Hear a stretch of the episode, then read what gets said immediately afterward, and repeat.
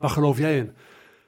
En hij zei, zonder, zonder na te denken, zei hij, ik geloof in mezelf. Ik dacht, wauw, dat kan ook nog. Je kunt dus ook nog geloven in jezelf. De boswachter moet op een andere manier kijken ook naar gebruik en sport in de natuur, het benut van de natuur. Uiteindelijk gaan de mensen de natuur in, dus je kunt het beter georganiseerd hebben, dus binnen de afspraken die je maakt, dan dat het wildgroei wordt. Hoe kijk je naar jezelf? Hè? Wat is je eigen rol in je leven, in je relatie geweest, in je, in je vaderschap uh, geweest of tot nu toe? Dus je, je neemt jezelf ook behoorlijk onder de loep. Hè? Dat zijn life-changing moments die, ja, die leiden tot, tot vragen bij jezelf. Ja, beste mensen, daar zijn we weer. Na een korte zomerstop van de Sportvernieuw Webshop podcast zijn we vandaag weer gestart. Vandaag zit in de podcast Winfried Bas. Hij is de organisator van de succesvolle Run Forest Run. Maar liefst 11 evenementen door Nederland en dan in bijzonder in Drenthe, Overijssel en Friesland organiseert hij. Gebaseerd op drie pijlers, een relaxe sfeer, lopen door de prachtige natuur en met respect voor elkaar. Hij begon met één evenement en inmiddels heeft hij 11 succesvolle evenementen. In het eerste deel van de podcast gaat het vooral over de evenementen, hoe hij dit tot een succes heeft gemaakt. En in het tweede deel komt vooral het persoonlijke levensverhaal meer naar voren van Winfried Bas. Vandaag een mooie podcast opgenomen in de studio van Sportfilm Webshop in Zenderen.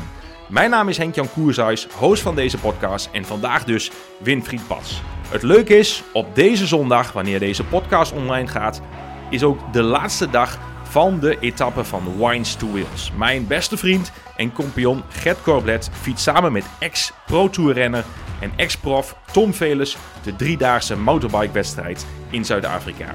Als je daar meer over wil weten, blijf dan online, want binnenkort ga ik met deze twee absolute klasbakken in gesprek over hun ervaring van de Wines to Wheels.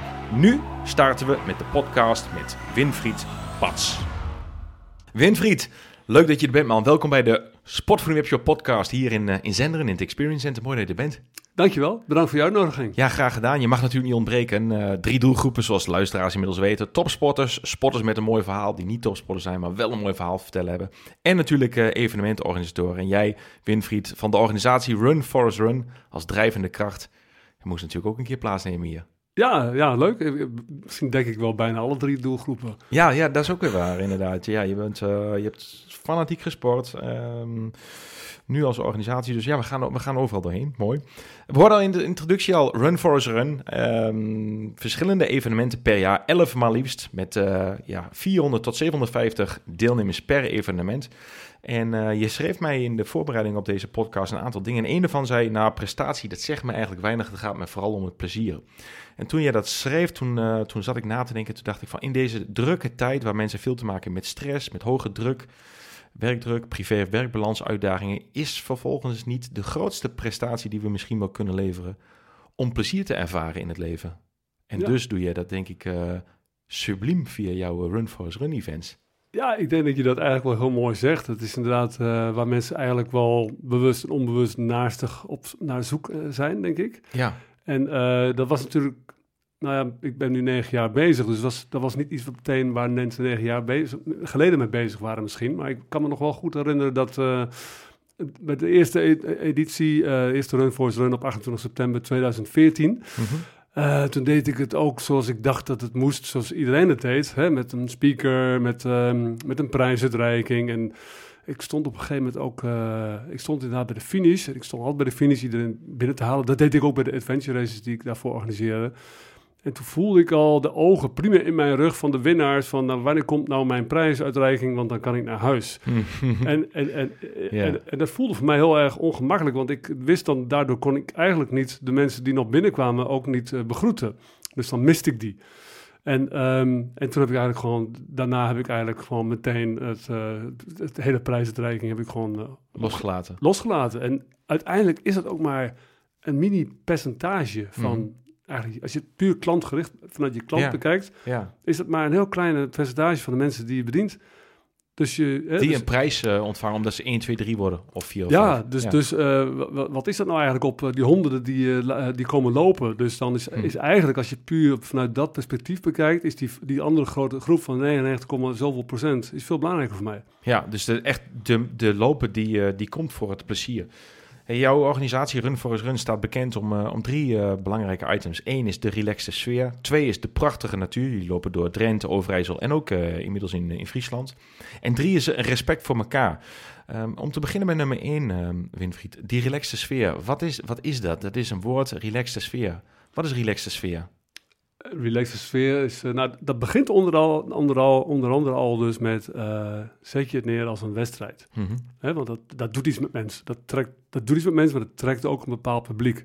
Ja, Hè, eh, want dan wordt het ook in één keer belangrijk ook. Hè? Dan ga je ook kijken, let op elkaar. hoe doet de ander, heeft hij afgesneden? Of Mhm. dan ga je op elkaar fitten, ga je op elkaar letten. Ehm, maar de relaxte sfeer is ook eh, eh, het sociale component van elkaar. Dat mensen onderweg ook eh, kunnen stoppen voor een fotootje of elkaar ontmoeten onderweg, elkaar er doorheen slepen. Ehm, wij hebben bijvoorbeeld vanaf het begin af aan, bijna al vanaf het begin af aan, wij hadden het eerste evenement ook een tijdsmeting op de grond met een mat. Maar ja, voor trailruns zonder prestatie is dat totaal niet belangrijk. Plus het kost ontzettend veel geld. Ja. Dus ik dacht, van, ja, ik kan ook het geld steken in eigen innovatief systeem. Hè? Van een Mhm. inschrijfmodule tot aan de, de tijdsmeting. En we scannen gewoon iedereen apart. En dan kunnen we los, ehm, eh, iedereen los laten starten, waardoor iedereen weer verspreid start. En eigenlijk ook weer daardoor relaxed start. Want er is niks ergens dan met 200 mensen starten of 300 in een startgroep. Mhm. En dan eh 500 meter verderop op een klein paadje op moeten. ja. Dat is niet ja. leuk. Nee. Wat is nou, wat is, als je praat over de relaxe sfeer van de Run for Us Run eh, events die, die je mag organiseren samen met een groot team van vrijwilligers. Wat is dan, ja, zeg maar, de, de, de, misschien wel het, meest kenmerkende van die relaxe sfeer? Is dat het samen lopen met elkaar? Is dat die, eh, eh, ehm, die vrijheid die je ervaart in de natuur? Is het na de hand bij elkaar zitten? Is het eh, de herkenning als familie, als trailrunners onder elkaar? Wat, wat is dan... Weet je, hier luisteren luisteraars naar Winfried. Elke week, elke week gasten met allemaal verschillende gasten die we hebben. En er zijn ook luisteraars ongetwijfeld getriggerd denken... hey, ik wil wel eens een keer een trailrun doen. En dan moet je natuurlijk een van die Run for Us Run gelopen hebben. Wat is dan dat je zegt... ja, maar dit, dit is waarom je moet deelnemen aan een van mijn events. Dat maakt het zo relaxed. Wat, wat is dat? Ik denk dat ehm je totaal bekeken eigenlijk. want Het, het begint al met dat wij niet gaan voor grote aantallen. Ehm, eh, die 750 die jij noemde, dat is dan bijvoorbeeld Indian Summer Ultra. En zelfs daarvan hebben de meeste mensen niet eens door dat er zoveel mensen zijn. Nee. Ehm, dus we zitten tussen de 400 en 600 deelnemers, waarvan ook vaak een percentage niet komt. Dus het begint daar al mee, hè, dat we zorgen eigenlijk voor een soort maximum aantal mensen, waardoor het al relaxed is eigenlijk. We Ja. hebben, eh, je noemde het al, vrijwilligers. We hebben best wel veel terugkerende vrijwilligers, eh, omdat ze het gewoon ook heel erg leuk vinden, maar daardoor ook een band creëren met de deelnemer en andersom. Dus je komt als deelnemer, je, je herkent bijna de verkeersregelaar, zeg maar. Daar begint je dag mee. Eh, je herkent degene die je aanmeldt. Je herkent mensen op de verzorgingspost en de fietsers onderweg. Dus het is ook een beetje dat onderlinge contact, hè? Mhm. Wat het daardoor ook zo eh relaxed maakt. Lopen mensen met een, ehm, met een hartslagmeter eh, bij jouw events qua... om, te, om, te, om te zien, zeg maar... eh, Zeker, ja, ja absoluut. Het, eh, uiteindelijk, kijk, ook, eh, we hebben natuurlijk een hele grote bandbreedte van lopers. We hebben nog steeds toplopers en degene die voor het eerst komen of, nou ja, eh, misschien wel als laatste, weten we dat van tevoren, dat ze als laatste eindigen. Vragen of ze bezemloper mogen zijn, want die hebben dan ook altijd zwaar. En ehm, nee, dus, dus, dus ja, en, en, en, maar iedereen heeft bijna wel iets van een meting bijna tegenwoordig bij zich. Ja.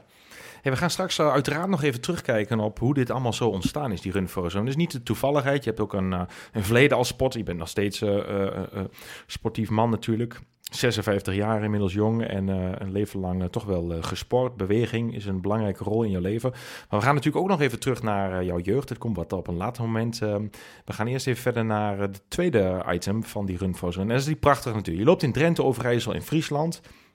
Die, eh, die plekken waar je mag lopen eh, met, eh, met die mensen. Hoe, ehm, hoe omschrijf je die? Want ja, prachtige natuur. Wat is een prachtige natuur? hè? Ja, dat is natuurlijk heel subjectief, hè? Dat is prachtig. Maar kun je eens een beeld schetsen bij waar mensen lopen? Of misschien een aantal gebieden noemen? Is dat een... Nou ja, wat waar lopen mensen langs? Ik heb bijvoorbeeld, ik heb hier in Twente gewoond heel lang. En ehm, het grappige wat ik, of het mooie wat ik vond aan Drenthe al toen ik daar ging, kwam, kwam te wonen in, in 2007, is dat er eigenlijk nog meer ruimte was dan al, al in Twente was. eh, Mhm. Dat ik herkende in Twente, of bekend mee was. Ehm Drenthe heeft heel veel, toch al veel wijdse wij- uitzichten. Ik kan Ja. zelfs wel plekken noemen die ik bijna ook wel desolaat zou willen noemen. Bijvoorbeeld het Hart van Drenthe. Dat is echt ook, eh, als het daar een beetje misregent is, dan, dan dat voelt super desolaat. En dat is een van de Run for Us Run events die daar Ja, dat dat, een dat van, aandoet. Ja, je hebt, eh, en het leuke is, we hebben ook wel vaak wel in bekende gebieden dat we komen. Bijvoorbeeld op het Drents-Friese Wold. Mhm. Alleen komen we dan bijvoorbeeld weer midden in de, in de winter. En dan loop je over zo'n zandvlakte, waar je normaal, waar dan niet zoveel mensen lopen. Maar dan word je ook letterlijk gestandstraald hè, door, de, door de wind en de zand in je gezicht. Mooi. Ja, dus het is, dus het is ook een beetje eh, afhankelijk van Ja. ieder gebied. Ja. En Drenthe heeft natuurlijk ook veel heide en uitzicht en een ander soort natuur. Maar wat ook wel mooi is dat, en ook zelfs in Drenthe verdwijnt het een beetje, maar in Nederland zie je sowieso dat we wat minder op de kleine paden mogen. Heel veel kleine Mhm. paden worden ook gesloten. Maar in Drenthe hebben we nog relatief, vergeleken met heel veel andere trails, nog best wel veel single tracks. En dat is al, ook al heel bijzonder onderdeel van de natuur. Is het uitdagend om eh, in de huidige tijd, waarin natuurlijk de natuur onder druk staat, dus uiteraard geen nieuws, maar de hele biodiversiteit, de aandacht die de natuur krijgt, om te bewegen, om recreatie toe te passen in de natuur, is het uitdagend om jouw vergunningen rond te krijgen? Ja, het is super, eh, het is zowel uitdagend als frustrerend. Mhm. Ik sprak iemand, eh, Hans Lende, laatst van Sport Drenthe. Die vertelde ook dat er, het, het evenementen bestaan nog wel, alleen er komt weinig nieuws bij. Dat Hmm. zegt ook al heel veel. Hè. In het verleden kwam er gewoon heel vaak wel een nieuw idee. Iemand heeft een initiatief, een idee en er wordt een evenement. Maar ja, wat je, als je ziet wat je nu al moet, wat je nu onderhand moet doen. Het zit met name in de regelgeving, toch? Ja, het zit hem in, eh, het zit in eh, bepaalde aspecten. Je hebt natuurlijk de beheerders zeg maar, die toestemming moeten geven. Dus eh, daar, daar zit een aspect die uitdagend is. Maar je hebt ook in de, vanuit de overheid heb je ook heel veel wetgeving. Die steeds, die, die was er eigenlijk altijd al. Die wordt misschien nu wat beter geïmplementeerd. Zo kun je het ook bekijken. Hè, misschien zijn we gewoon wat laat. Dat kan ook. Ehm, maar soms is het ook wel een beetje waarvan je, soms vraag je ook wel eens af. Eh, past het eigenlijk en is het wel echt wel relevant wat je nu van mij vraagt? Hè? Mhm. Ehm, aan de andere kant eh, zoeken we allemaal een beetje onze eigen, naar onze eigen, hoe het on- onszelf uitkomt hè, als het gaat om natuur. Ja, Hè? Dus, dus daar ben ik mij ook wel van bewust. Maar ik kan je wel een paar mooie voorbeelden noemen. Bijvoorbeeld voor, het, eh, voor een evenement hebben we tegenwoordig heb je een stikstofberekening nodig, de, de zogenaamde Areas-berekening. En je hebt eh, of dan wel een natuurtoets nodig of een quickscan, afhankelijk van hoe dicht je bij een Natura 2000 gebied eh, woont. Nou, ja, want daar ga je ook doorheen. ja, ja, zeker. Ja, ja Precies. zeker. En, Ja. en, ehm, en alleen al die twee dingen die ik noem, dat is al voor heel veel organisatoren eigenlijk al, eh, ja, geeft het al eigenlijk behoorlijk een zware klomp in de maag van wil ik hier wel aan beginnen. Ja, dat kan me voorstellen. Want het vraagt veel dedication, inzet om door te zetten op dat nou ja, gebied. Ja, en het is, ja, en het is ook eh, een beetje ontmoedigend. En het, Mhm. eh, want je moet dan weer, want heel veel mensen weten niet hoe je een stikstofberekening moet maken. Ik wel, maar bel me niet, want ik ga het niet, echt niet iedereen uitleggen. Maar heel veel eh, organisatoren moeten gewoon honderden, misschien wel meer dan duizend euro kwijt. zijn ze kwijt voor het maken van een areasberekening. Terwijl je eigenlijk ben je er in 20 minuutjes mee klaar. Ja, dus En- de uitdaging voor het verder organiseren van evenementen, die wordt steeds groter. Regelgeving is een belangrijk onderdeel en dat is de reden dat veel evenementen afhaken om, om nog door te zetten. En de tweede factor is denk ik het vinden van vrijwilligers. Althans, dat is wat wij vaak terug horen. Dat mensen zeggen van, goh, we hebben toch wel wat moeite om vrijwilligers te krijgen. Je hebt daar wat minder moeite mee, begrijp ik. Ja, vrijwilligers is het ook. eh, ik zie dat ook wel eh, terug, inderdaad. Het- soms is het ook wel afhankelijk een beetje van bepaalde periodes. Ik merk bijvoorbeeld in, eh, in september is dat wat lastiger voor mij om, om vrijwilligers te krijgen. Maar ja, het is grappig. Ja, ik heb nooit eigenlijk concessies gedaan aan eh, welke vrijwilligers we eh, hadden, zeg maar. Ehm, dat, daar bedoel ik niet iets onaardigs mee, maar ik vind het belangrijk dat de vrijwilliger goed bij elkaar past. Als ze als team onderweg gaan, dat ze goed bij het evenement passen.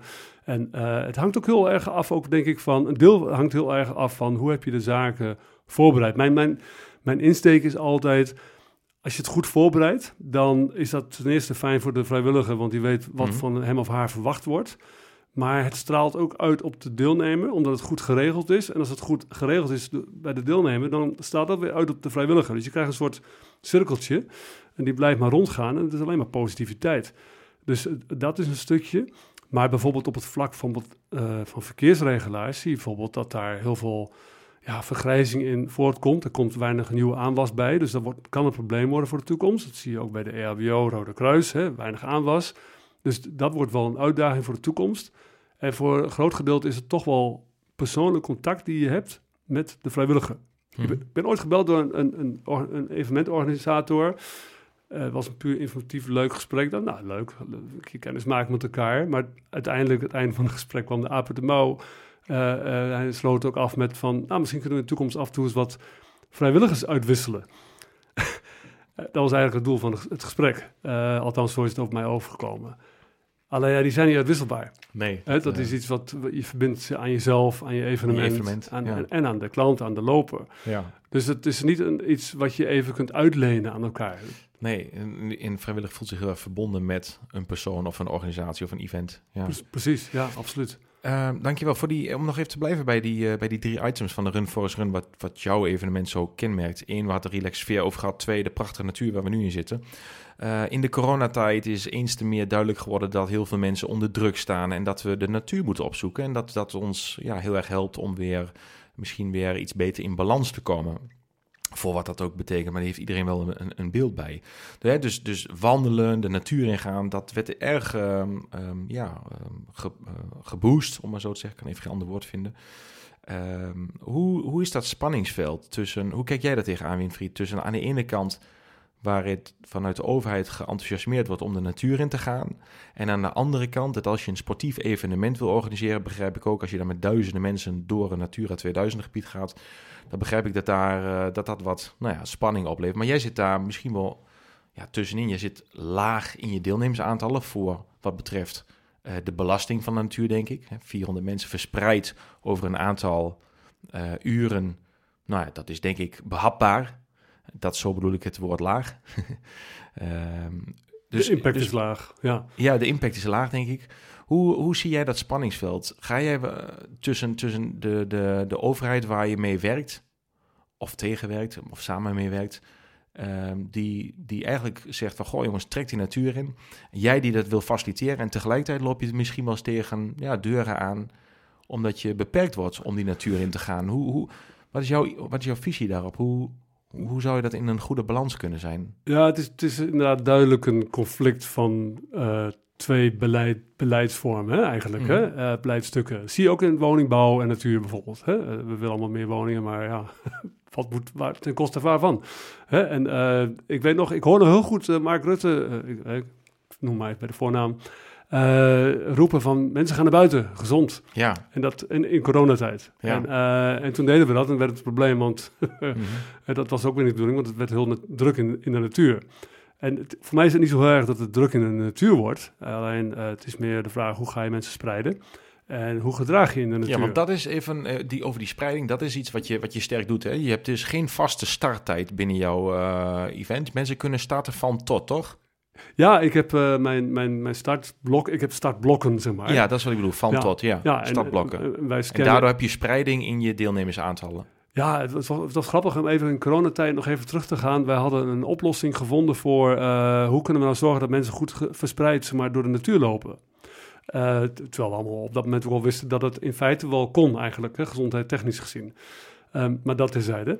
Um, dus wij hadden bij het aanmelden hadden we aangegeven van geef nou even aan hoeveel je verwacht gemiddeld te lopen. En mensen weten ongeveer hoe ze lopen. Ja. Uh, dus toen hebben we mensen ingedeeld op iedere 15 seconden qua uh, aanmeldtijd op basis van hoe snel ze liepen. Mm -hmm. Waardoor eigenlijk de mensen ehm, ja, in een soort lint kwamen te lopen die alleen maar groter werd. Want de snelste voorin en de langzaamste achterin werd alleen maar een groter lint. En de, me de mensen kwamen toen ook terug van hun, uh, van hun trail, van hun ronde, wat, ongeacht welke afstand. En die zeiden, ik heb, ik heb nog nooit zo alleen gelopen. En ik zei ook laatst tegen, nog steeds in conflict waren met de overheid. En dat om... zeiden ze met een smile. Ja, dat zeiden ze met een smile. Ja, en sommigen vonden het ook wel niet zo leuk hoor. Sommigen vonden het echt wel te, te, te rustig. Dat ja. was dan weer ook weer niet de bedoeling. Maar ik zei ook tegen de overheid op dat moment van ja, het, het grootste probleem wat je hebt op gezondheidsniveau is nu eenzaamheid. Want het was, uh, dat was het grootste probleem eigenlijk op dat moment. Niet zozeer dat mensen elkaar in de weg liepen. Maar het is wel een, um, ja, het is een conflict. Um, ja, tussen enerzijds de spanning, op, tussen enerzijds de natuur opzoeken, maar niet te veel belasten. Ja, alleen de vraag is, wat is belasten? Mm, nee, dat is ook een vraag. Want, want waar ligt nou eigenlijk feitelijk... Laten we eens even puur kijken naar trilden in, in het bos. Ja, als we ik ben wel eens benieuwd. Dus eigenlijk zou je dus een keer onderzoek moeten naar, naar doen. Mhm. Wat is nou feitelijk de belasting als, de, als er 500, 600 deelnemers door een bos lopen? Hè, eh, en ik snap het wel, maar als je bijvoorbeeld in de, als je dat in het broedseizoen doet, seizoen doet en je eh, loopt langs een nest bijvoorbeeld, eh, en die vogel moet elke keer weg, ja, dan wordt het nest te koud urenlang en dan gaan de eieren kapot en dan is de broed eh, mislukt. Zeg maar. Dus dat is wel uit te leggen. Maar wat is nou eigenlijk feitelijk de impact ook? Hè? Daarnaast hè, op, de- op de natuur, op de grond, op de, op de bos, op de bladeren, op het stikstofgehalte. Dat is natuurlijk een vraag. Als je bijvoorbeeld kijkt naar ehm, eh, in Ommen hebben we een heel mooi evenement. Het heet Run voor Run Ommeland.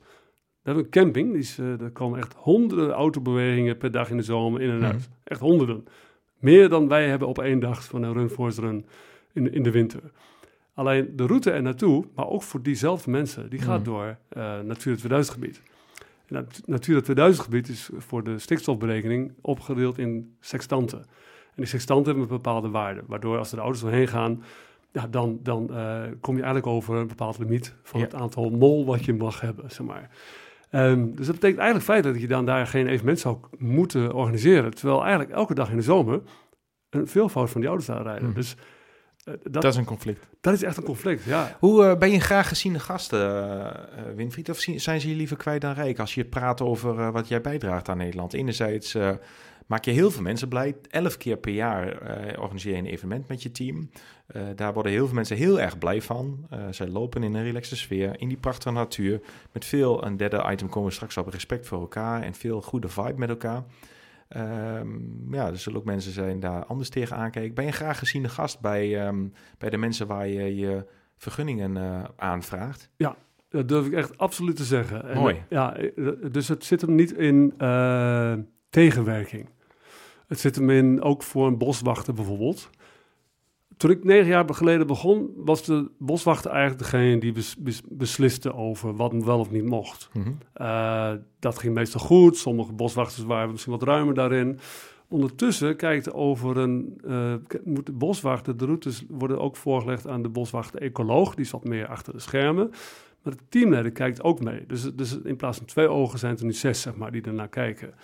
Dus ehm, de boswachter moet op een andere manier kijken ook naar gebruik en sport in de natuur. eh, Het benut van de natuur. Maar Kijk, uiteindelijk, maar, ik, had, ik, heb, ik kom net van een boswachter vandaan uit Wingelo. Ik had een aantal weken voor de Indian Summer ook met een aantal boswachters en een ecoloog eh zat ik rond de tafel voor het evenement. En ja, het mooie is, ze willen keer meedenken van Ja. hoe het wel kan. Ja, ja, precies.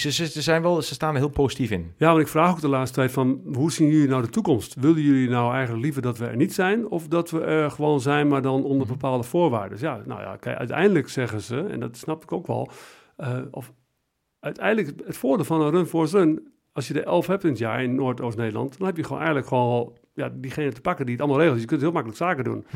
En uiteindelijk gaan de mensen de natuur in, dus je kunt het beter georganiseerd hebben, hè, dus binnen de afspraken die je maakt, dan dat het wildgroei wordt. Want ik heb ook wel eens gezien dat er kleine loopgroepjes zijn, hè, die met 10, 20 mensen door het bos heen gaan lopen. En dan kijk je naar de tracks en het is hartstikke leuk, die maken dan leuke tochten. Maar ja, wel op plekken waar het niet mag. Of juist van de paden. Of, eh, ja, of dus de boswachters zien je liever georganiseerd komen, zodat ze het gecontroleerd... Ja, dan kun je het veel Faciliteren. beter. Ja, dan, dan heb je in ieder geval. eh, en uiteindelijk, kijk, ik, eh, Ja. mijn bijdrage aan de natuur eh, qua geld is natuurlijk heel mooi. Maar is nooit een Het is geen omkoping. Nee, Ik krijg niet meer credits dan een ander. nee, want voor de beeldvorm, je, je benoemt dit zo, niet iedere luisteraar weet dat uiteraard, maar je hebt een, eh, een, een goed doel eraan gekoppeld. Een x-bedrag per deelnemer gaat naar Sport for Nature. Je hebt in al die jaren, heb je inmiddels al zo'n ruim 90.000 euro... Luisteraars, 90.000 euro ehm, eh, ehm, teruggegeven aan de natuur. En de projecten zijn allemaal terug te lezen op de website van de Run Forest Run. Je ziet per organisatie waar het naartoe is gegaan met mooie foto's erbij. Eh, echt eh, leuk om te zien voor de mensen die daar interesse in hebben. Dus ehm, eh, ja, die geeft ook nog daadwerkelijk iets terug aan de natuur. Niet alleen aan de Ja. mensen, maar ook aan de natuur. Wat vind je nou zelf het mooiste als je nou praat over die, over die Run Forest Run tot nu toe? We gaan straks naar eh, item nummer drie, eh, wat jouw eh, events kenmerkt. en respect voor elkaar, om even op vooruit te lopen. Maar wat vind je nou het allermooiste, Winfried, wat je, ehm, wat je in al die jaren hebt gedaan rondom de Run Forest Run? Hm. Dat je denkt van, ja jongen, dit, dit is toch wel...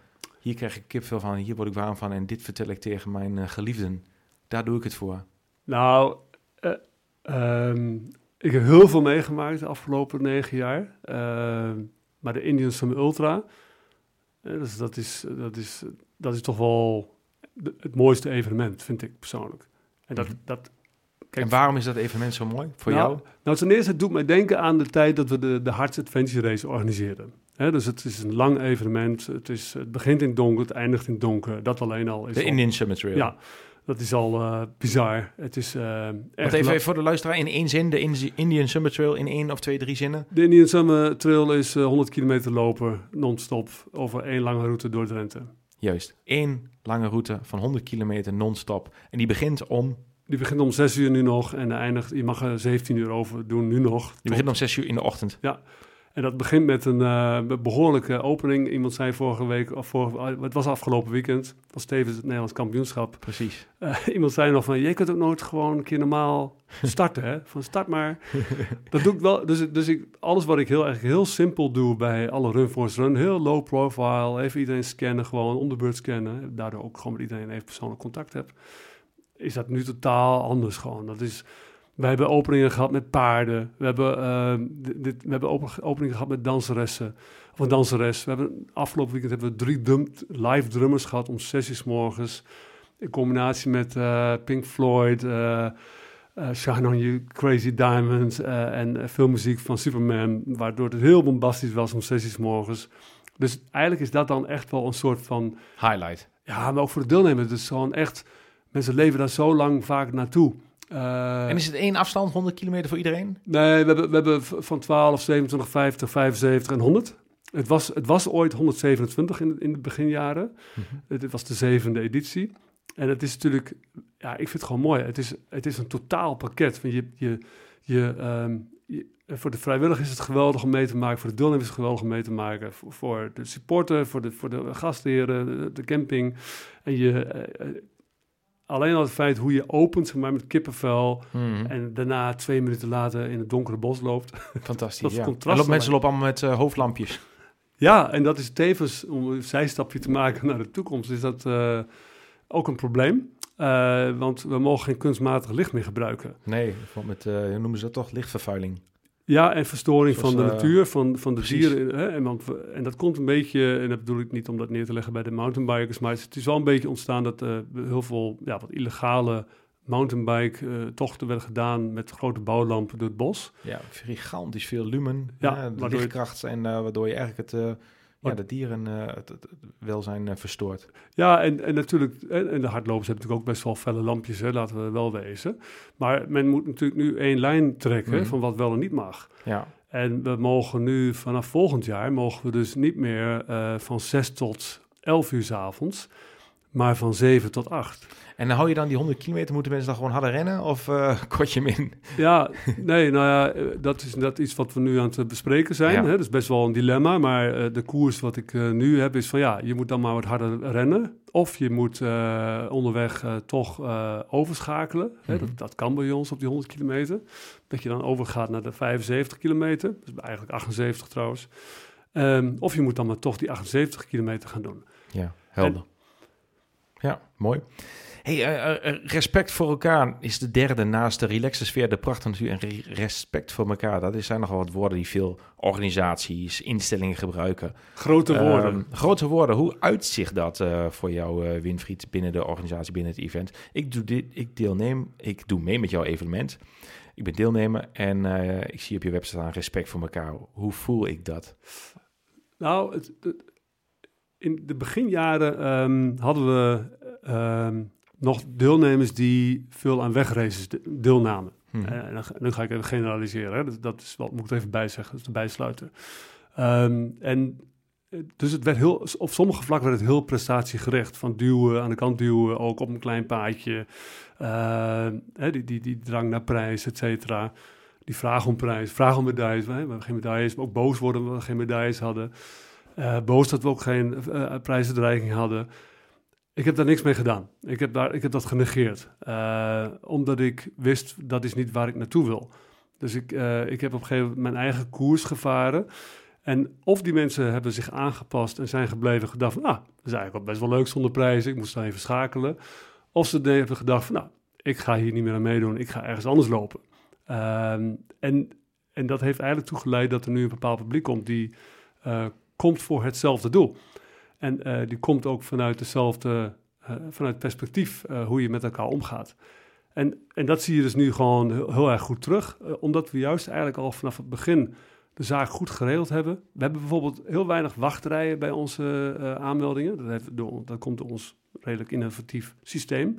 We, we, we, handelen meteen het startnummer uit bij binnenkomst heel random, zeg maar. Dus we hoeven niks op mhm. te zoeken. Uh, dus het begint heel ontspannen. En als je ontspannen begint, hè, dus als je verkeersregelaar al staat bij aankomst, je weet waar je moet parkeren, je weet waar je naartoe moet, je hoeft niet lang in de rij te staan, je hebt nog tijd voor koffie en naar het toilet te gaan.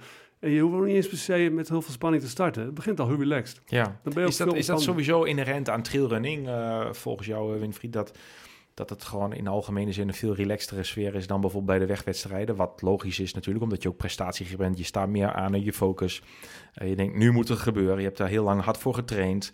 Uh, ja, je werkt daar misschien ook met wedstrijdspanning naartoe. En, en bij jou is het wellicht, uh, bij jouw events run voor run, is het, wat, is het misschien meer een relaxed, fijn, ontspannen uitje waar je van wil genieten. Wat ja, plezier voorop staat, wat jij zegt. Het is gewoon een beetje een dagje wandelen en het gaat iets sneller. Ja. En ik kan niet heel erg uh, goed oordelen of beoordelen hoe het is op de weg. Want ik heb ook zelf heel weinig evenementen gedaan of al lang niet meer gedaan op de weg. Dus ik, ik, ik, ik Maar je hebt ook competitief uh, adventure uh, racing gedaan. Ja, ja, heb ik zeker gedaan. Maar daar was ook wel, omdat het toch een relatief kleine community was. Ja, heb ik wel heel fanatisme. Maar, maar kleine communities maken het ook vaak wel relaxed. Ja, veel, veel ons kent ons natuurlijk. Ja, vaak wel. Ja. Als je nou moet kiezen ehm, en je, je zou ze moeten gaan ranken, uh, Winfried. De top drie. Want misschien staan ze in de chronologische volgorde, maar misschien ook wel in willekeurig volgorde. Eén is de relaxe sfeer, twee is de prachtige natuur en drie is respect voor elkaar. Wat is nou voor jou de allerhoogste waarde van die drie? Stel dat je zegt, nou, ik moet er één op het billboard zetten van de Run Forest Run. Dit is wat de Run Forest Run kenmerkt. Ja, dan, dan, dan, wat is dan jouw DNA? Dat, dat zit toch wel in respect voor elkaar. Want dan komt de rest vanzelf. En dan, dan wordt het sowieso relaxed. En dan heb je genoeg aan elkaar om naar elkaar te kijken in plaats van de natuur. Ja, en die, en die, die prachtige natuur is toch gekoppeld aan jouw evenementen. Mooi. Uiteindelijk wel, ja. Ja, precies. Is er, um, zit je vol nu met elf uh, evenementen? Niet alleen in je persoonlijke tijd om dat te managen, maar is het ook... Uh, is het zeg maar genoeg nu? Of zeg je van, nou, ik, ik wil um, je highlight heb je benoemd, de Indian Summit Trail. Um, zeg je van 11 is 11 en that's it? Of en wil je groeien in, in in, in, in de drie hoofditems, in de drie kenmerken van de organisatie? Of zeg je van, nou, er zit nog wel iets in de pijplijn wat ik misschien wel wil vertellen of nog niet wil vertellen, maar is dit het? Nou, ik heb ooit in een, programma gezeten voor ondernemers in Drenthe, heel lang geleden, toen ik nog uitgenodigd werd voor dat soort dingen, omdat ik nog nieuw was daarin. En, um, en toen vroegen ze ook naar wat is, wat is je toekomstvisie voor je bedrijf? En um, ja, ik had eigenlijk, uh, ja, mijn, mijn visie was, of mijn, mijn strategie of mijn doel was om klein te blijven. Dat was eigenlijk een doel op zich. Mm ja, dat is lastig als je succesvol wordt. Ja, maar ook wel weer eh, gebleken dat dat bijvoorbeeld in coronatijd was dat wel heel erg fijn. Ja. Want ik had geen personeel, ik had geen bussen, parken, ruimtes die ik huurde. Dus ik, ik had wel grote verlies, want ik heb natuurlijk 15 uh, eh, evenementen moeten aflasten toen. Mhm. Maar het heeft me ook wel weer gered. En ik ben niet meer zo, ik ben wel ambitieus om dingen goed te doen, maar niet per se meer om het uh, groot te maken. Want ik heb eigenlijk liever meer vrije tijd over. Maar goed, soms heb je niet de ambitie. Alleen als je dingen goed doet, dan groeien dingen vanzelf. En je bent een gedreven man. Je bent, um, ja, maar je bent zelf perfectionist, dat klopt. de streber. Maar dat kan, dat ehm, kan binnen de, de volume natuurlijk. Precies, ja. ja dus ik, ik hoef niet per se twee evenementen per, per maand te organiseren als ik het met één ook kan leven, als ik, als ik kan voorzien in mijn levensonderhoud, en dat kan ik nu van, van, van dit werk. Mooi. Ik hoef niet groter te worden. Dus, en ehm, en ik, wat ik al zei, dan, hiermee houd ik ook genoeg vrije tijd over. Dus mijn, mijn leven is mooi in balans daardoor. Mooi. Ja, ook een hele belangrijke. Ja, ja dat, dat, ik denk dat ik, als ik 20 jaar geleden dat gedaan, dan was het wel anders geweest. Dan, dan had ik misschien wel twee evenementen per maand willen doen. Had ik misschien wel 1200 per mhm. evenement willen hebben. Maar het is nu ook een beetje een kwestie van uh, ook al zou ik heel veel ambitie hebben en nieuwe ideeën. Mm. Mensen zeggen wel eens van, waarom ruil je die twee eens niet even om? Bijvoorbeeld die een keer in de zomer en die een keer in de winter. Ik zeg, nou, je wil niet weten wat voor problematiek dat oplevert. Dat is niet zomaar gedaan. Nee. dus ik, ik ben al, eigenlijk zit je een beetje stil van, nou, als ik nou stil blijf zitten en ik blijf het goed doen, dan heb ik in ieder geval nog, kan het nog gewoon doorgaan überhaupt. Dus Ja. het is ook een beetje overleven nu en zorgen dat wat ik nu heb, wat we nu hebben, dat het überhaupt En goed blijft. En goed ja. blijft. Ja. Ja, dus Wat doe je, dat gezegd hebben, even de switch naar jouw eh, privé, eh, privéleven. Wat doe je het liefst, eh, Winfried, in je privéleven? Wat maakt je blij? Wat, waar, bij- waar stop je graag je tijd in?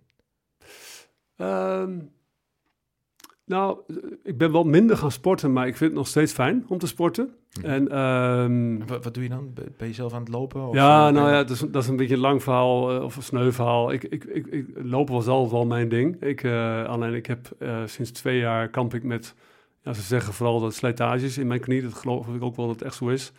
Alleen ja, het is ook heel abrupt begonnen, dus ik heb ook het idee dat er een bepaalde beschadiging is. Alleen, ja, er wordt niet meer naar geopereerd, hè, want daar ben ik te oud voor. Dus eh, jongens, eh, zorg dat je voor je 50 in ieder geval eh, behandeld wordt aan je knie. Dat is al handig. Daarna doen ze het niet meer. Dus, ehm, dus ik ben nu wat meer gravelbiken. Ik ben weer begonnen met survival run training, wat ik in het verleden deed. En dat is gewoon een super mooie body workout gewoon. Dus ik, ben het, ik heb het nu even, ik heb nu eigenlijk mijn sport een beetje verlegd. Maar ik ben ook wel, ik, ik hoef het niet meer, ik ben ook niet meer heel erg fanatiek meer aan sporten. En ik heb ook wat meer rust in mijn hoofd. En eh, ik kan ook gewoon lekker genieten van lekker solo zijn. Hè? Dus ik, ik, ik hou heel erg van sociale contacten. Maar dat hoeft niet meer zo als het in het verleden was. Ik, En, en hoe, wat, hoe, wat bedoel je daarmee? Het hoeft niet zoals in het verleden was, versus nu. Wat, wat moet ik dan aan denken? Oh, in het verleden wilde ik eh, eh, wel graag naar alle feestjes. Of zocht ik heel veel mensen continu op. Was ik altijd in het weekend op pad naar mensen toe. Of door de week misschien nog zelfs wel. En ik heb nu eigenlijk denk ik ook veel meer rust in mezelf eh, gevonden. En waardoor ik ook heel erg tevreden ben om in mijn, eh, eh, met mezelf ook te zijn. En heb je dan ehm, andere contacten, intensere contacten of gewoon minder? Of hoe, hoe moet ik dat? Minder, mi- minder frequent. Minder En, frequent. meer, ik denk meer kwaliteit. Hm. Meer één op één. Hoe komt dat dat je die rust nu gevonden hebt? Is er iets, is het simpelweg omdat je ouder wordt en er anders tegenaan kijkt? Of is er iets waar, wat, wat jou een inzicht gaf, waardoor je dacht van, hey, dit houdt mij beter in deze tijd in balans? Nou, ehm, ja, dat is, een, dat is een behoorlijk complex verhaal, denk ik. Al- Alhoewel ook weer niet helemaal. Ehm, ik denk dat ik altijd wel erg gejaagd heb geleefd. Hm. V- vanaf eh, vrij jong af aan al. Ehm, en daardoor ook wel, ook wel wat extremere sportdingen opzocht. Althans, zo plaats ik het nu. Hè. Toen vond ik het gewoon gaaf. Maar ik, ik zie er ook nu wel de andere kant daarvan. Dus ik was altijd wel heel erg druk en druk mee bezig met sport en dingen doen. En ook met mensen opzoeken. En ik vond eh, misschien wel rust juist heel lastig of confronterend. Ook al was er niet echt iets aanwijsbaar wat dan confronterend was. Maar dat voelde niet altijd fijn. Dat staat helemaal haaks op nu op de Run Forest Run eh, filosofie. Waarbij je juist heel erg niet gehaakt, of sorry, niet eh, geha- gejaagd leeft. Maar juist heel erg die rust en die relaxe sfeer. Ja, dus, dat, dus, maar dat is ook echt wel iets van de afgelopen negen jaar. zeg Mhm. Maar dus het is misschien wel ook wel heel erg parallel gegroeid met elkaar ook. Hè? Dus, eh, dus, eh, dus misschien dat ik in de tijd van de Run Force Run in het begin nog wel wat meer zo was, maar dat het gaandeweg ook minder is geworden. Ik ben twee jaar geleden, zijn mijn partner en ik ook uit elkaar gegaan. Dus het heeft ook weer behoorlijk eh, ja, het een en ander op de schop gegooid. Maar je gaat ook kijken naar ja, hoe sta je zelf in het leven hè, en eh, waar, waar loop je nog tegenaan. Je leert heel veel over jezelf eh, in, in, in een korte tijd. Dus ik denk dat ik op veel... Door de scheiding bedoel je? Of door de... ja, zeker. Door, ja. door het oud... Of, Nou, nou, beide, door het ouder worden, door inzi- hè, maar ook door de scheiding, door hoe kijk je naar jezelf, hè, wat is je eigen rol in je leven, in je relatie geweest, in je, in je vaderschap eh, geweest of tot nu toe. Dus je, je neemt jezelf ook eh, behoorlijk onder de loep. Hè. Dat zijn life-changing moments die, eh, ja, die leiden tot, eh, tot vragen bij jezelf. en stel jij jezelf die vraag of is er iemand in je leven waarbij je wandelt of spreekt of die jou die vragen voorlegt? Of ben je zelf eh, iemand die jezelf veel vragen stelt? Nou, het grappige was dat, is dat door het eh, niet meer zo frequent kunnen sporten door die knie, hè, Mhm. dan, dan kom je ook letterlijk stil te staan. En dan komen die vragen, of, of je komt, er komt een reactie eh, bij je vanzelf naar binnen. Ehm, en je gaat jezelf ook vragen stellen. En ik heb ook goede vrienden waar ik goede gesprekken mee kan voeren. En die stellen soms ook eh, uitstekende vragen. En ik heb ook wel eens met mensen gesproken die daar wat meer in, uh, nou, laat ik zeggen, zeggen, over opgeleid zijn. En die mij ook daarmee wat meer inzicht hebben gegeven. Mooi. Ja. Mooi. Wat is het meest waardevolle inzicht? Uh, ja, is misschien heel ver wat ik je nu vraag. Maar wat is het meest waardevolle inzicht, uh, Winfried, wat je hebt opgedaan in de afgelopen tien jaar? Is misschien heel ver teruggekeken, maar dat mag wel. Want het kan ook de afgelopen jaren zijn. Waarvan zeg jij, dat is echt een, dat heeft mij heel veel, uh, dat is echt een waardevol inzicht. Ik heb een podcast van jou, ik heb veel podcasts van jou uh, geluisterd. En er was één podcast dat iemand zei, en, en misschien trek ik het volledig uit het verband hoor, maar die zei van ja, het heeft geen zin om terug te kijken. Je leeft nu en het verleden telt niet. Mm -hmm. En um, ja, dat is, is natuurlijk in zekere zin is dat zo. En dat is natuurlijk een heel mooie uh, manier om hè, uh, vooruit te leven, hè, in de toekomst te leven. Hè, en niet te blijven hangen in het verleden. Maar het verleden definieert je wel. Um, en het komt altijd terug, je verleden. Hè? Dus, mijn vader is uh, op 14-jarige leeftijd is die eigenlijk letterlijk zeg maar, voor mijn, mijn ogen overleden. En twee jaar daarvoor heb ik een, nou laat ik het zo zeggen, een best wel traumatische gebeurtenis meegemaakt als 12-jarige jongetje. Wat, uh, wat eigenlijk heel veel impact heeft gehad op, op uh, hoe je kijkt naar veiligheid in het leven. Zonder dat ik daar verder over wil uh, uitweiden. Dat stond trouwens buiten mijn gezin of ons gezin. Maar dat zijn wel heel kwetsbare jaren. Hè? Als je bent als 12 of 14-jarige mm. jongetje. Want dan staat je heel leven natuurlijk uh, op de kop. Hè? Je, bent, uh, je bent je vader kwijt. Ook al was de relatie juist weer niet heel erg geweldig. Maar dat maakt het misschien juist wel complexer. En op dat moment uh, was er ook weinig support. Of we wisten ook niet hoe we support moesten geven vanuit school. Of misschien wel vanuit ouders. hoe je daarmee om moest gaan. En dus dat was er ook niet. En ik, en ik heb het ook zelf ook aardig afgewend. Uh, dus je pakt je leven zo goed mogelijk op als je kunt. En dat werd voor mij een modus van ja, doorgaan. Hè? Precies zoals die ene zei: van nou, dat is verleden, dan gaan we verder. En dat deed ik ook, maar dat heb ik heel veel jaren gedaan. Gewoon mm. verder. En dat heeft mij uh, ook hele goede dingen gebracht, juist. Hè? Ik heb daardoor juist enorme avonturen meegemaakt. Um, uh, reisavonturen, militaire avonturen, uh, werkzaamheden, momenten, sporten.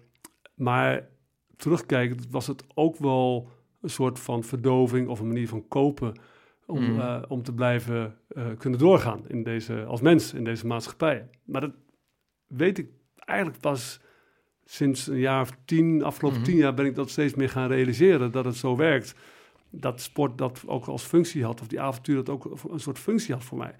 En ik weet nu dat dat nu niet meer per se nodig is. Ik heb dat niet meer per se nodig. En dat geeft dus dat stukje rust wat en steeds meer komt in mij. Is dat iets wat je um, um, op latere leeftijd uh, tot inzage bent gekomen? Is het iets wat je hebt geleerd van je vader?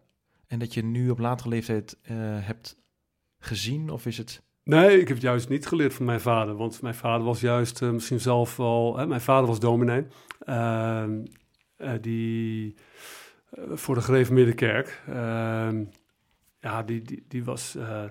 het was niet altijd een blije man. Dus ik denk dat hij een heel hardwerkende man was... die ja, met best wel wat koopte. Misschien wel ook wel vanuit zijn verleden. Of misschien wel de, generaties daarvoor. Dat, alles, alles kun je doorgeven. En um, dus nee, ik heb juist dat niet geleerd. Misschien heb ik wel juist geleerd om juist heel uh, juist uh, opvliegerig te kunnen zijn of uh, een bepaalde boosheid zelf te kunnen hebben. Mm -hmm. Hè, dus dat dus, dus um, hij heeft me wel geleerd hoe ik het niet zou willen. Alleen als dat dan niet lukt, is dat juist heel frustrerend. dat, ja, ja. Wat is, um, soms hoor je wel eens van mensen die zeggen, nou als ik zelf vader word, dan zou ik... Um, dat anders doen of dat juist doen wat ik van mijn vader heb meegekregen of mijn moeder. Uh, wat is iets waar jij van zegt van, goh, dat is een... Um, we hebben het gehad over de belangrijke kernwaarde van de Run Forest Run. Wat is voor jou een belangrijke kernwaarde uh, als vader? In 2008 ben je vader geworden. Wat, wat, wat geef jij jou... Um... Onvoorwaardelijke acceptatie van hoe je bent. En wat betekent dat? Hoe, of nou, wat betekent dat? Ik denk dat ik begrijp dat, wat je bedoelt, maar nou, hoe, hoe, hoe leer je dat een kind? Nou, laat ik het zo zeggen. Um, um, Bijvoorbeeld, eh, mijn vader was iemand die, eh, die wilde waarschijnlijk dat ik het goed deed op school. Hè? Ik, was in, ik heb twee broers, een oudere en een jongere broer. Die konden wat beter studeren dan ik. Ik kon dat helemaal niet. Eh, dat had misschien ook wat te maken met wat ik natuurlijk had meegemaakt. Mhm. dus ik, ik was heel slecht in concentratie. Ik had een heel kort concentratievermogen. Ik had heel erg moeite met opnemen van, van theorie. Nog steeds. Ik heb jarenlang gewerkt als manager. Ik las nooit die stukken, want ik kon het niet opnemen. Dus na, na een halve linie was ik het kwijt. Dus ik ging met mensen maar, in gesprek om te weten wat eigenlijk de boodschap was. En dan maakte ik mijn eigen afweging. Zo ging ik om met bepaalde zaken. Alleen in het proberen te studeren vroeg als kind, dan laat ik zo zeggen, was mijn vader nogal eh, eh, stressvol. Dus ik zat eigenlijk eh, eh, ja, met nogal wat spanning zeg maar, mijn huiswerk te leren. Maar dat gaat doet nooit goed samen. Eh, en, en, en mijn prestaties waren dus ook niet geweldig. Dus ik, ik werd niet echt gezien als, nou ja, dat ik werd meer gezien als een zorg voor de toekomst dan dat het iets zou worden. En, en die boodschap, die, ja, die geef ik in ieder geval niet mee aan mijn zoon. Mooi. Hè, dus dat, dus ehm, als je maar wel probeert je best te doen Ja. binnen wat je kunt. Doet hij mee met ons? oh, even kijken, je oude zoon is, ehm, kijk, 2008, eh, Hij is, eh, hij is nu 15. 15. Doet hij wel eens mee met Run Force Run? Ja, hij heeft, eh, nou, niet, nee, hij doet niet veel mee. Hij had onlangs over, vroeg hij, hij was helemaal geïnspireerd. Hij heeft meegeholpen met Indian Summer. Hij was helemaal Cool. geïnspireerd om weer te gaan lopen. Hoe heet je zoon? Kian heet hij. Kian. Hij is eh, met survival en is hij eh, bezig. En, eh, maar hij was wel heel mooi. Ik heb ooit de DX24 georganiseerd. Dat was een soort van backyard ultra-achtig evenement. Mhm. Waarbij eh, elke drie kwartier moest je vijf kilometer lopen op een zwaar parcours bij ons. Over heuveltjes en, en modder en water en zand. En toen was hij geloof ik elf jaar ongeveer. En toen heeft hij ehm, vier rondes gedaan van vijf kilometer. En na twee rondes wilde hij dus nog een ronde doen. Toen zeiden we van nou, eh, moeten we dat wel doen? Eigenlijk is dat wel gezond. Maar goed, ze keken nog een paar trainers aan die er waren. Nou ja, kun je gewoon doen als je dat graag wil. Zolang het niet pijn doet, doet hij het maar. Dus nou, dan ging hij weer. Het was inmiddels al donker en toen eh, zei hij van, nou, ik wil nog een keer. En we wisten niet precies of het nou was omdat hij zo opgezweept werd door al die andere mensen om zich heen, of dat hij dat echt wel echt zou moeten doen. Nou, zo, één rondje gedaan, heeft hij 20 kilometer gelopen. Dat was natuurlijk fantastisch om te zien. Ja, Ja, zeker op die leeftijd. ja, het is mooi om te zien, maar ook gewoon eh, hoe je ermee omgaat en wat voor ja, hoe vreugde daaruit voortkwam. Dat is Mooi. mooi. Ja. Ja. Die, ehm, eh, al die, e- even heel even terug naar, die, eh, naar de evenementen. Eh, je zei al van Indian Summer was misschien wel mijn, of is, is mijn hoogtepunt geweest van al die events. Eh, is er ook een specifiek persoon of moment geweest waarvan je zegt van, potverdorie, dat blijft me altijd bij. Dat vond ik zo mooi om te horen. En soms heb je een evenement, praat even, ik noem eens even in sporttermen, over de Olympische Spelen of de wereldkampioenschap. En dat geeft een bepaalde vibe. De Olympische Spelen zijn legendarisch, zijn magisch. Eh, maar binnen die Olympische Spelen is er misschien één moment eh, wat mensen altijd bijblijft. Wat is jouw Olympische Spelen moment geweest van al die run forest runs waarvan jij zegt, potverdorie, maar dat is een moment wat ik bij me draag, dat was heel bijzonder. Eh, Een moment, niet echt een extreem groot omschrijving van een heel event, maar slechts één moment of één contact met iemand. Nou, ehm, ga ik toch terug naar de Indian Summer Ultra. Ik weet nog dat we, we hadden best wel in de eerste jaren hadden we best wel harde muziek, heel Mhm. bombastische muziek. Hè, zoals we dat eh, hebben, Muse en eh, al die andere dingen. We hebben paarden, ik zei het allemaal al. Maar we hebben ook één opening gehad. Er stond de hele groep stond voor mij. En we hadden een heel rustig muziekje. Gewoon eigenlijk totaal anders dan je zou verwachten bij een opening van zo'n evenement. Het was, was bijna klassiek. Het was misschien wel klassiek. Ik weet niet precies welk nummer het was. En ik zei, jongen, het was het, en het grappige was, het was het jaar voor corona. Dus het was het jaar voordat we afstand moesten gaan houden van elkaar. En iedereen stond in zo'n tent, eh, semi-tent, overkapt, semi-overkapt. En ik stond daarvoor. En ik zei, jongens, hou elkaar vast. We gaan zo meteen beginnen. Dat liedje duurde drie minuten ongeveer. Er zaten bepaalde drums. Op een gegeven moment werd het steeds heftiger. Maar op die moment van stilte, door die muziek, heb ik de energie gevoeld vanuit die honderd mensen die voor mij stonden, hoeveel energie daar afkwam. Als ik het vertel, en je ziet het niet, maar ik krijg er echt nu nog kippenvel van. Ik geloof het, ik geloof het, ik voel het. En ik, je- voel, ja, en ik voelde, mijn, mijn lichaam ging ook eh, een beetje soort schudden. Mhm. Ik doe het nu ook, hè. ik ga een beetje Ja, schudden zo. ja. En ehm, ik, ik voelde die energie, maar ook die, die drang zeg maar, van mijn, de cellen in mijn lichaam om mee te gaan. Ik zou- was bijna meegelopen. Het, was, het, dat was zo'n bijzondere ervaring om dat te ervaren. Dat gaf eigenlijk, eh, ja, dat, dat als je dat zo even vraagt, maar dat schiet mij als eerste te binnen. Mooi. Ja. Denk je daar nog wel eens aan terug? Of is het omdat ik je nu vraag? Nee, nou, ik dacht, daar, ik dacht daar onlangs nog aan terug, hoe mooi dat was. Juist omdat ik, eh, ik denk altijd heel lang van tevoren na over zo'n Indian Summer opening. Ik ben Mhm. nu al aan het luisteren naar muziek in de auto, hier weg hier naartoe. Van, goh, hoe zouden we volgend jaar eh, de muziek kunnen gebruiken? Hoe zouden we kunnen maken dat mensen dan eh, een, een, een heel mooie dag hebben, omdat het muziek ook een onderdeel maakt daarvan. Het is eigenlijk, Zeker, muziek is een belangrijk onderdeel in de emotie. ja, Sport en sport en muziek. emotie. Ja, en dat het mooie is dat prachtige emoties. als je een goede film kijkt, dan weet je niet meer dat er goede muziek was, hè? Ja. Dat kun je niet herinneren. Nee. Dus ik hoop dat wel mensen, hoort- heel- ja, ja. Ik, ik hoop mensen niet eens meer weten waar ze naar geluisterd hebben. Ja. Want dan is het goed geweest, hè? Nee, klopt. Mooi man. Mooi. Dat gezegd hebben, wat, ehm, ja, wie, wie, welke persoon, eh, Winfried, vind jij nou eh, ontzettend inspirerend? Je mag hem of haar kennen, ehm, maar je mag hem ook niet kennen persoonlijk. Hè, ik noem even een, ehm, weet ik veel, een, een- zeg maar iets eh, wat te binnen schiet, Messi of zo, ik zeg maar wat.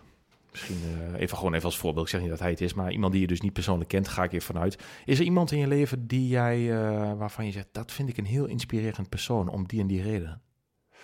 Nou, ik had een... ehm, ik heb niet zozeer iemand die ik persoonlijk heel inspirerend, die mij echt Mhm. inspireert. Ik, heb- ik heb altijd wel... Ik heb ik eigenlijk continu dat ik mensen tegenkom in mijn leven die mij weer een stukje inspiratie geven. Zo zie ik dat meer. Eh, Ik weet nog dat ik bijvoorbeeld eh, eh, in de klas zat met een jongen die heette Clemens op de HAVO. En ik kwam dus uit dat gezin, eh, of, dat gereformeerde gezin, ehm, wat, waar het toch ging om of je gelooft wel of je gelooft niet. Hè? En, eh, ehm, en ik weet nog dat die man, eh, en hij was ook bokser, en die docent die vroeg aan hem van, eh, wat, nou Clemens, eh, waar geloof jij in? En hij zei, zonder, zonder na te denken, zei hij, ik geloof in mezelf. En ik dacht, wauw, dat kan ook nog. Je kunt dus ook nog geloven in jezelf. En ehm, ik ben later ook gaan boksen. Een vriend van mij is, is later met mij gaan, gaan hardlopen in het bos van de paden af. Met Erik op de Haar was dat. Die heeft me ook gebracht weer naar de survival run. Daar zag ik weer mensen als Jan Maarsen en Stef Beunk. Die inspireerden mij weer om te gaan survival runnen. Eh, ik zag weer de Eco Challenge, zag ik weer. Daar had ik weer al mijn inspiratie uit om dat te gaan doen. En dan, dan zag je weer topteams en dan haalde je Mhm. dat weer uit. Dus ik, ik denk dat ik nooit echt door één persoon word geïnspireerd, maar elke keer door iets wat een ander doet bijvoorbeeld weer. Maar is die persoon met die uitspraak en dat inzit dat je daar, wauw, hey, je kan ook geloven in jezelf. Is dat, eh, is dat, heb je dat omarmd of is het iets wat je gehoord hebt en later nog een keer terugkomen? Of was het vanaf dat moment meteen dat je dacht, hey, Ja, dat was echt een soort, dat was echt een eye-opener. eye-opener? En Ja, ben je dat toen ook meer gaan leven? Dat je dacht, wauw, ik geloof meer in mezelf. Nou ja, dat, eh, ik was toen nog steeds best wel aan de ene kant stoer jongetje, ook onzeker jongetje, ook wel toen.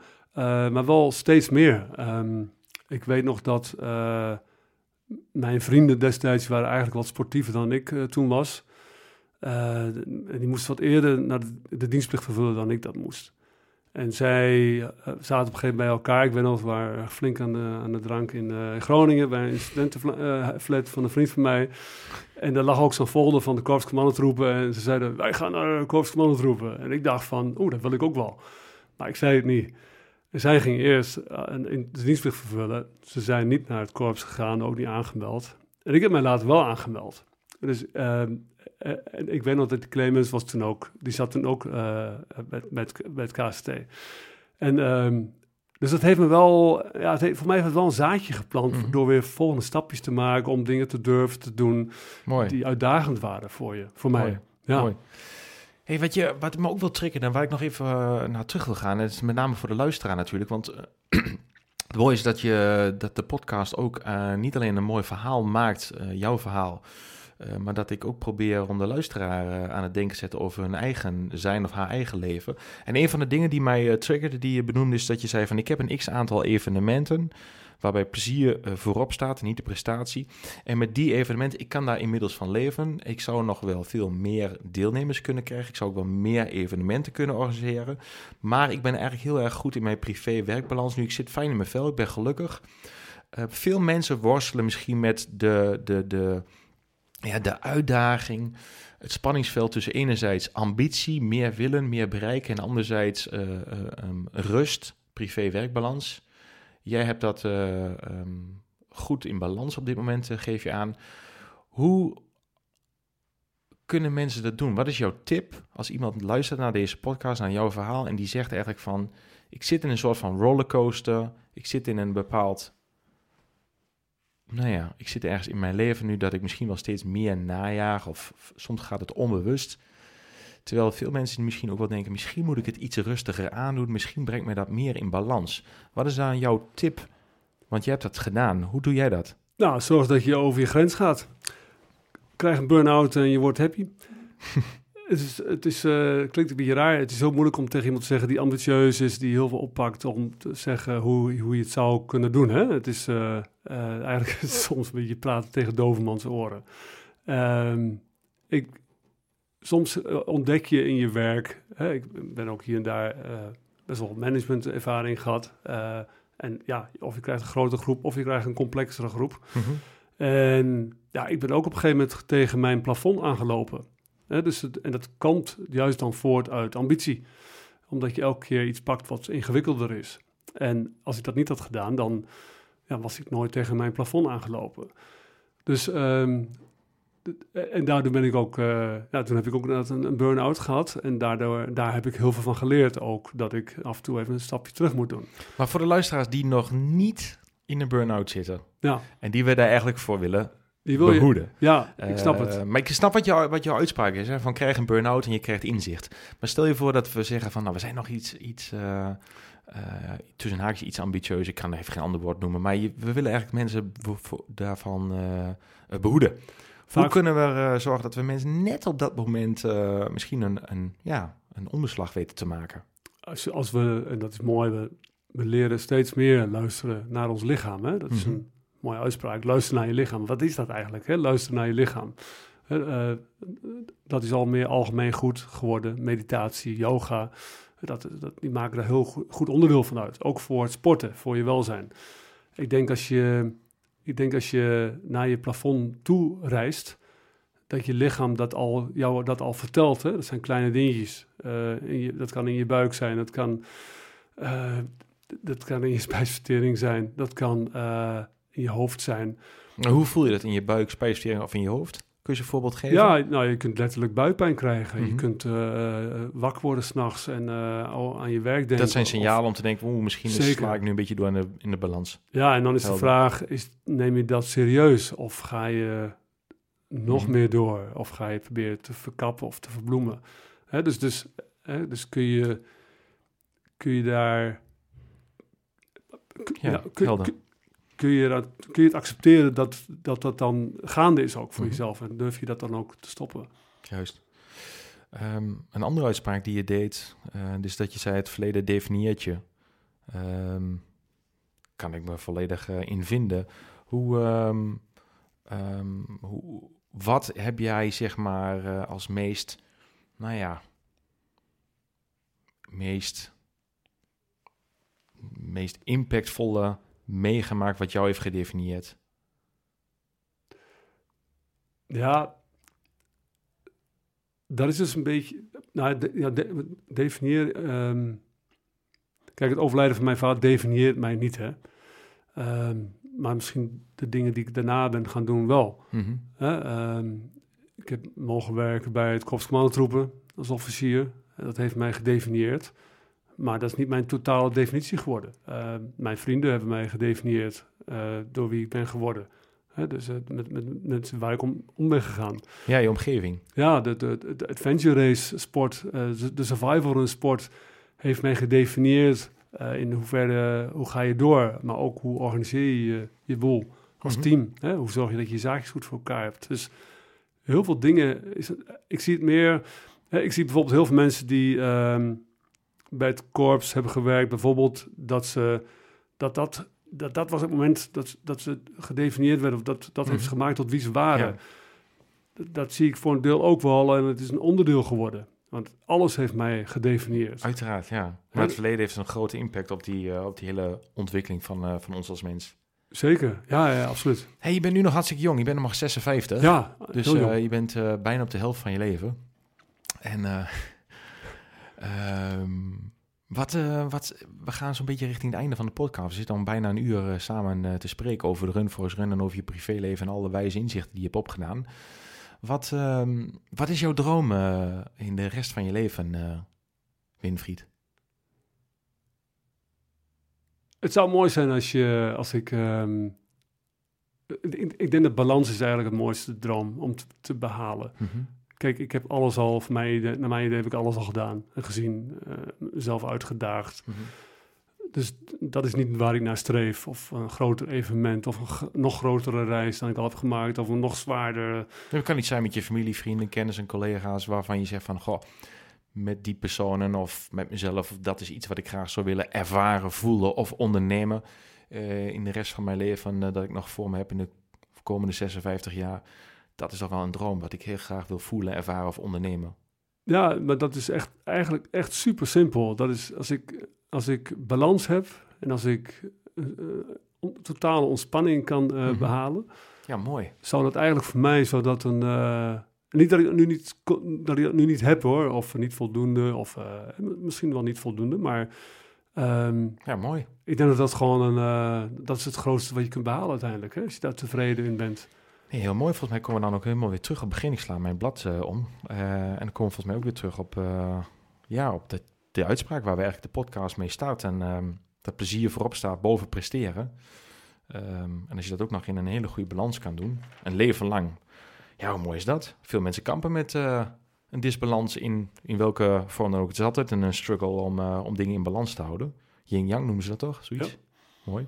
En je hebt ook eh, je eigen podcast, ehm, Ja, Winfried. Dus ehm, nu zit je een keer aan de andere kant van de, van de tafel en van de microfoon. Wat is de reden dat jij eh, gestart bent met de podcast? Het was, eh, de, de, de aanleiding was eigenlijk dat ik ehm, een half jaar lang eerst heb lopen strijden tegen de overheid om mijn corona-evenementen te, tijdens corona-evenementen te mogen organiseren. Nou, op een gegeven ja. moment dat, dat, dat- die strijd was verloren. Ik dacht, nou moet ik iets leuks gaan doen.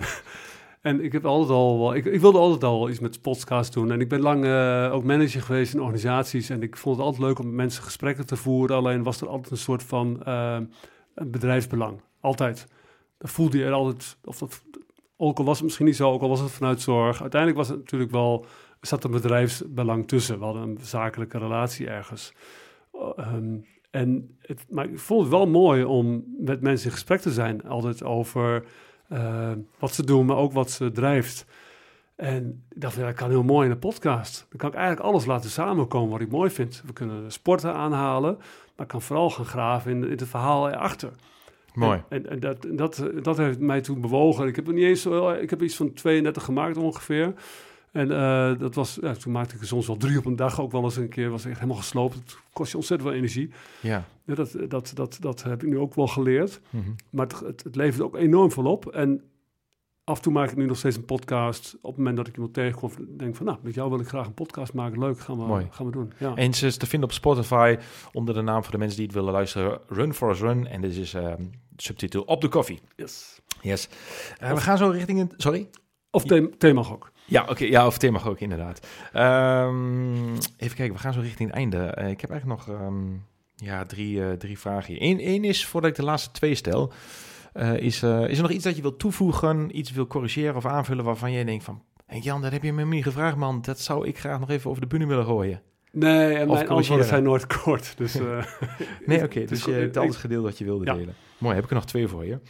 Ehm, gast. Heb jij iemand in gedachten, Winfried, waarvan je zegt... Hey Jan, die zou je eens moeten vragen voor de Spot van je podcast. Dat is een mooie gast, man. Je mag hem of haar kennen of niet kennen.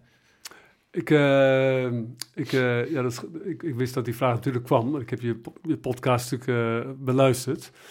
En eh, het, is natuurlijk al vaker gezegd eh, van waarom ga jij zelf niet een keer op die manier achter de microfoon? Dus ik nodig je een keer uit, in ieder geval bij mij op de koffie. Leuk. Maar ik wil je ook zeker wel interviewen voor jouw eigen eh, publiek. Misschien is dat ook wel juist dat we jouw studio gebruik maken. Dat, Ja. dat, dat, is, dat mag je over nadenken. Ga ik doen. Ehm, en ik, ik zat ook, bij mij kwamen er ook namen voorbij, maar ik dacht van ja, maar die wil ik zelf eerst hebben. Dus, eh, dus die heb ik in mijn hoofd zitten, maar die krijg je niet. Nee, heel goed. Heel goed. Geen probleem. Maar we hebben afgelopen weekend het, eh, het NK eh, gedaan. Ja. Het NK Ultra Trail Running. En misschien bijvoorbeeld leuk om te kijken naar, om eens een keer te praten met Martijn Klaassen. Ehm, ja, die heeft toch 100 kilo, meer dan 100 kilometer in net iets over acht uur gedaan. En dat is smashing gewoon. Het is ons, hè, ons, ons parcoursrecord werd aan de kant geschoven alsof het niks was. De verkeersregelaars en de posten die moesten gewoon echt haast om te staan. Ik wil wel weten hoe, hoe doet iemand dat? Hè? En ehm het is niet de eerste keer, het is de tweede keer dat hij bij ons eh, N- N- NK-winnaar werd. Dus ik ben wel benieuwd naar, naar zijn verhaal. Misschien een mooi interessant verhaal ook. Ja, mooi. Dus eh dankjewel voor die, eh, voor die tip. ehm. dankjewel. Interessant. Ja, bizar toch? Ja, Zo'n afstand ja, is in ongelooflijk. die tijd. Bizar. Die, We zijn allebei sportief, eh, Winfried, maar eh, daar kunnen wij niet aan tippen. Nee, als je het gemiddelde ook omrekent en, en, en als je dan ook ziet hoe eh, iemand binnenkomt en Ja. dan ook niet neervalt of zo, of, Nee. of niet, ne- ja, Ja, heel knap. bizar. Ja, ben je echt een eh multi-atleet. Echt een zeer krachtige... Ja, en, en nogmaals, hè, ik geniet ook van die laatste die zeker, binnenkomt. zeker. Ja, dat is ja. duidelijk geworden. Ja, Ja, absoluut. Nee, ja. absoluut. Ehm, ik, ehm, ik, voordat ik naar de laatste vraag ga, de standaardvraag die ik bij iedere gast stel. Ik vond het een mooie podcast, eh, Winfried. Ehm, ja, over, niet alleen over je evenement, maar ook over eh, de weg daar naartoe. Eh, dat was eigenlijk in het tweede deel van de podcast. Zo na een half uur gingen we daarover naar jouw eh, privéleven en de rol die... je of de impact die jouw privéleven heeft op de keuzes die je gemaakt hebt. En tot de, de, de dag van waar je nu staat. Ehm, ja, mooi, dankjewel. En ik hoop dat het voor de luisteraar interessant was om een aantal van die inzichten die, eh, die jij gedeeld hebt, om die te koppelen naar je eigen privéleven. Want dat is natuurlijk wel, eh, wel mooi. We proberen een mooi verhaal te maken, maar het is natuurlijk ook heel erg mooi dat als je jezelf nu aan stofzuigen, hardlopen, trailrunnen of eh, wat dan ook bent, dat je het zelf tot nadenkt, zegt, hey, wat ga ik hiermee doen? En hoe kan ik mezelf kwetsbaar opstellen om mezelf die vraag te stellen, die jij je onder andere hebt gesteld? Want dat maakt je een, een rijker en wijzer mens. Dat is erg mooi. Dus dankjewel voor je mooie verhaal. Dan de laatste vraag. 200 plekken in de wereld. Elke dag komen er miljoenen mensen langs. En daar staat op die 200 plekken een groot billboard. Op dit billboard mag jij een woord, zin of quote plaatsen. En dat woord wordt dus eh, iedere dag gelezen door miljoenen mensen. Eigenlijk is het gewoon jouw boodschap naar de wereld. Winfried, wat staat op het billboard? Ik heb een eh, reglement op de Run pagina's. En dat bestaat uit negen regels, negen punten. En eh, de laatste regel is denk ik de belangrijkste bij ons. Het zijn zes letters, er is één uitroepteken erachter. Dat is be nice. Mooi. Be nice. En waarom be nice? Nou, het is soms ook voor mijzelf een uitdaging hoor. Dus ik zal niet, al, zal niet zeggen dat, ik het altijd, eh, dat het mij altijd lukt. Maar ik denk dat we vaak heel snel eh, oordelen of heel snel eh, hard reageren op elkaar. Of op het nieuws of op ontwikkelingen zonder dat we het totale plaatje kennen. Ik denk dat we vaak ook wel hard naar elkaar zijn zonder dat het nodig is. Ehm, en het, het kan heel makkelijk leuker zijn als je gewoon nice bent of eh, belangstellend naar de ander. Ook al is die anders dan jij bent. En een van de dingen waardoor ik dat. Ik denk dat als mensen ook eh, wat meer zouden gaan reizen in hun leven, dat, je, eh, dat de wereld kleiner wordt en minder eng wordt. Waardoor het ook makkelijker wordt om wat aardiger te zijn tegen mensen die anders zijn dan jou. Ja, want je hebt veel gereisd. Hè? Even nog, we zijn bijna aan het einde, maar je hebt veel gereisd. Wat is, is, is er ehm, is er iets wat er uitsprong waarvan je zegt, "Goh, dat was wel... eh, Ik heb veel gereisd. daardoor ben ik meer be nice. Ha! Nou, ik, nou, het, het, het grappige is dat ik juist heb gezien dat ik zelf niet altijd nice was op reis. Eh, dus het, het, had ook te maken met mijn ongeduld. eh, of niet begrijpen hoe cultu- culturen werkten. Of dat mensen zich overladen in jouw kleine cirkel. Ehm, maar wat ik bijvoorbeeld wel mooi vond... We hebben een adventure race gedaan op Groenland... Ehm, en de manier waarop we toen ook zijn ontvangen door de mensen daar en hoe we daar behandeld zijn en hoe de teams onderling waren. En ja, dat was gewoon één groot be nice Cool. moment. Mooi. Mooi. hey, mooi man. Mooi verhaal. Ja, Super waardevol. dankjewel voor, Dankjewel. Je, voor je tijd en je aandacht. Ja, heel graag gedaan. Eh, jij bedankt. Luisteraars, bedankt voor het luisteren. Het was mij waar genoegen. Eh, bedankt voor alle luisteraars die het weer eh, tot het einde hebben geschopt. Eh, als je ons wil helpen, deel even deze podcast. Als je het leuk vindt om de podcast van Winfried te luisteren, dan kan dat op Spotify onder andere via de Run Forest Run, of de Coffee of Thee. Eh, volgende week weet je ons ook vast weer te vinden. Dan weer een nieuwe gast.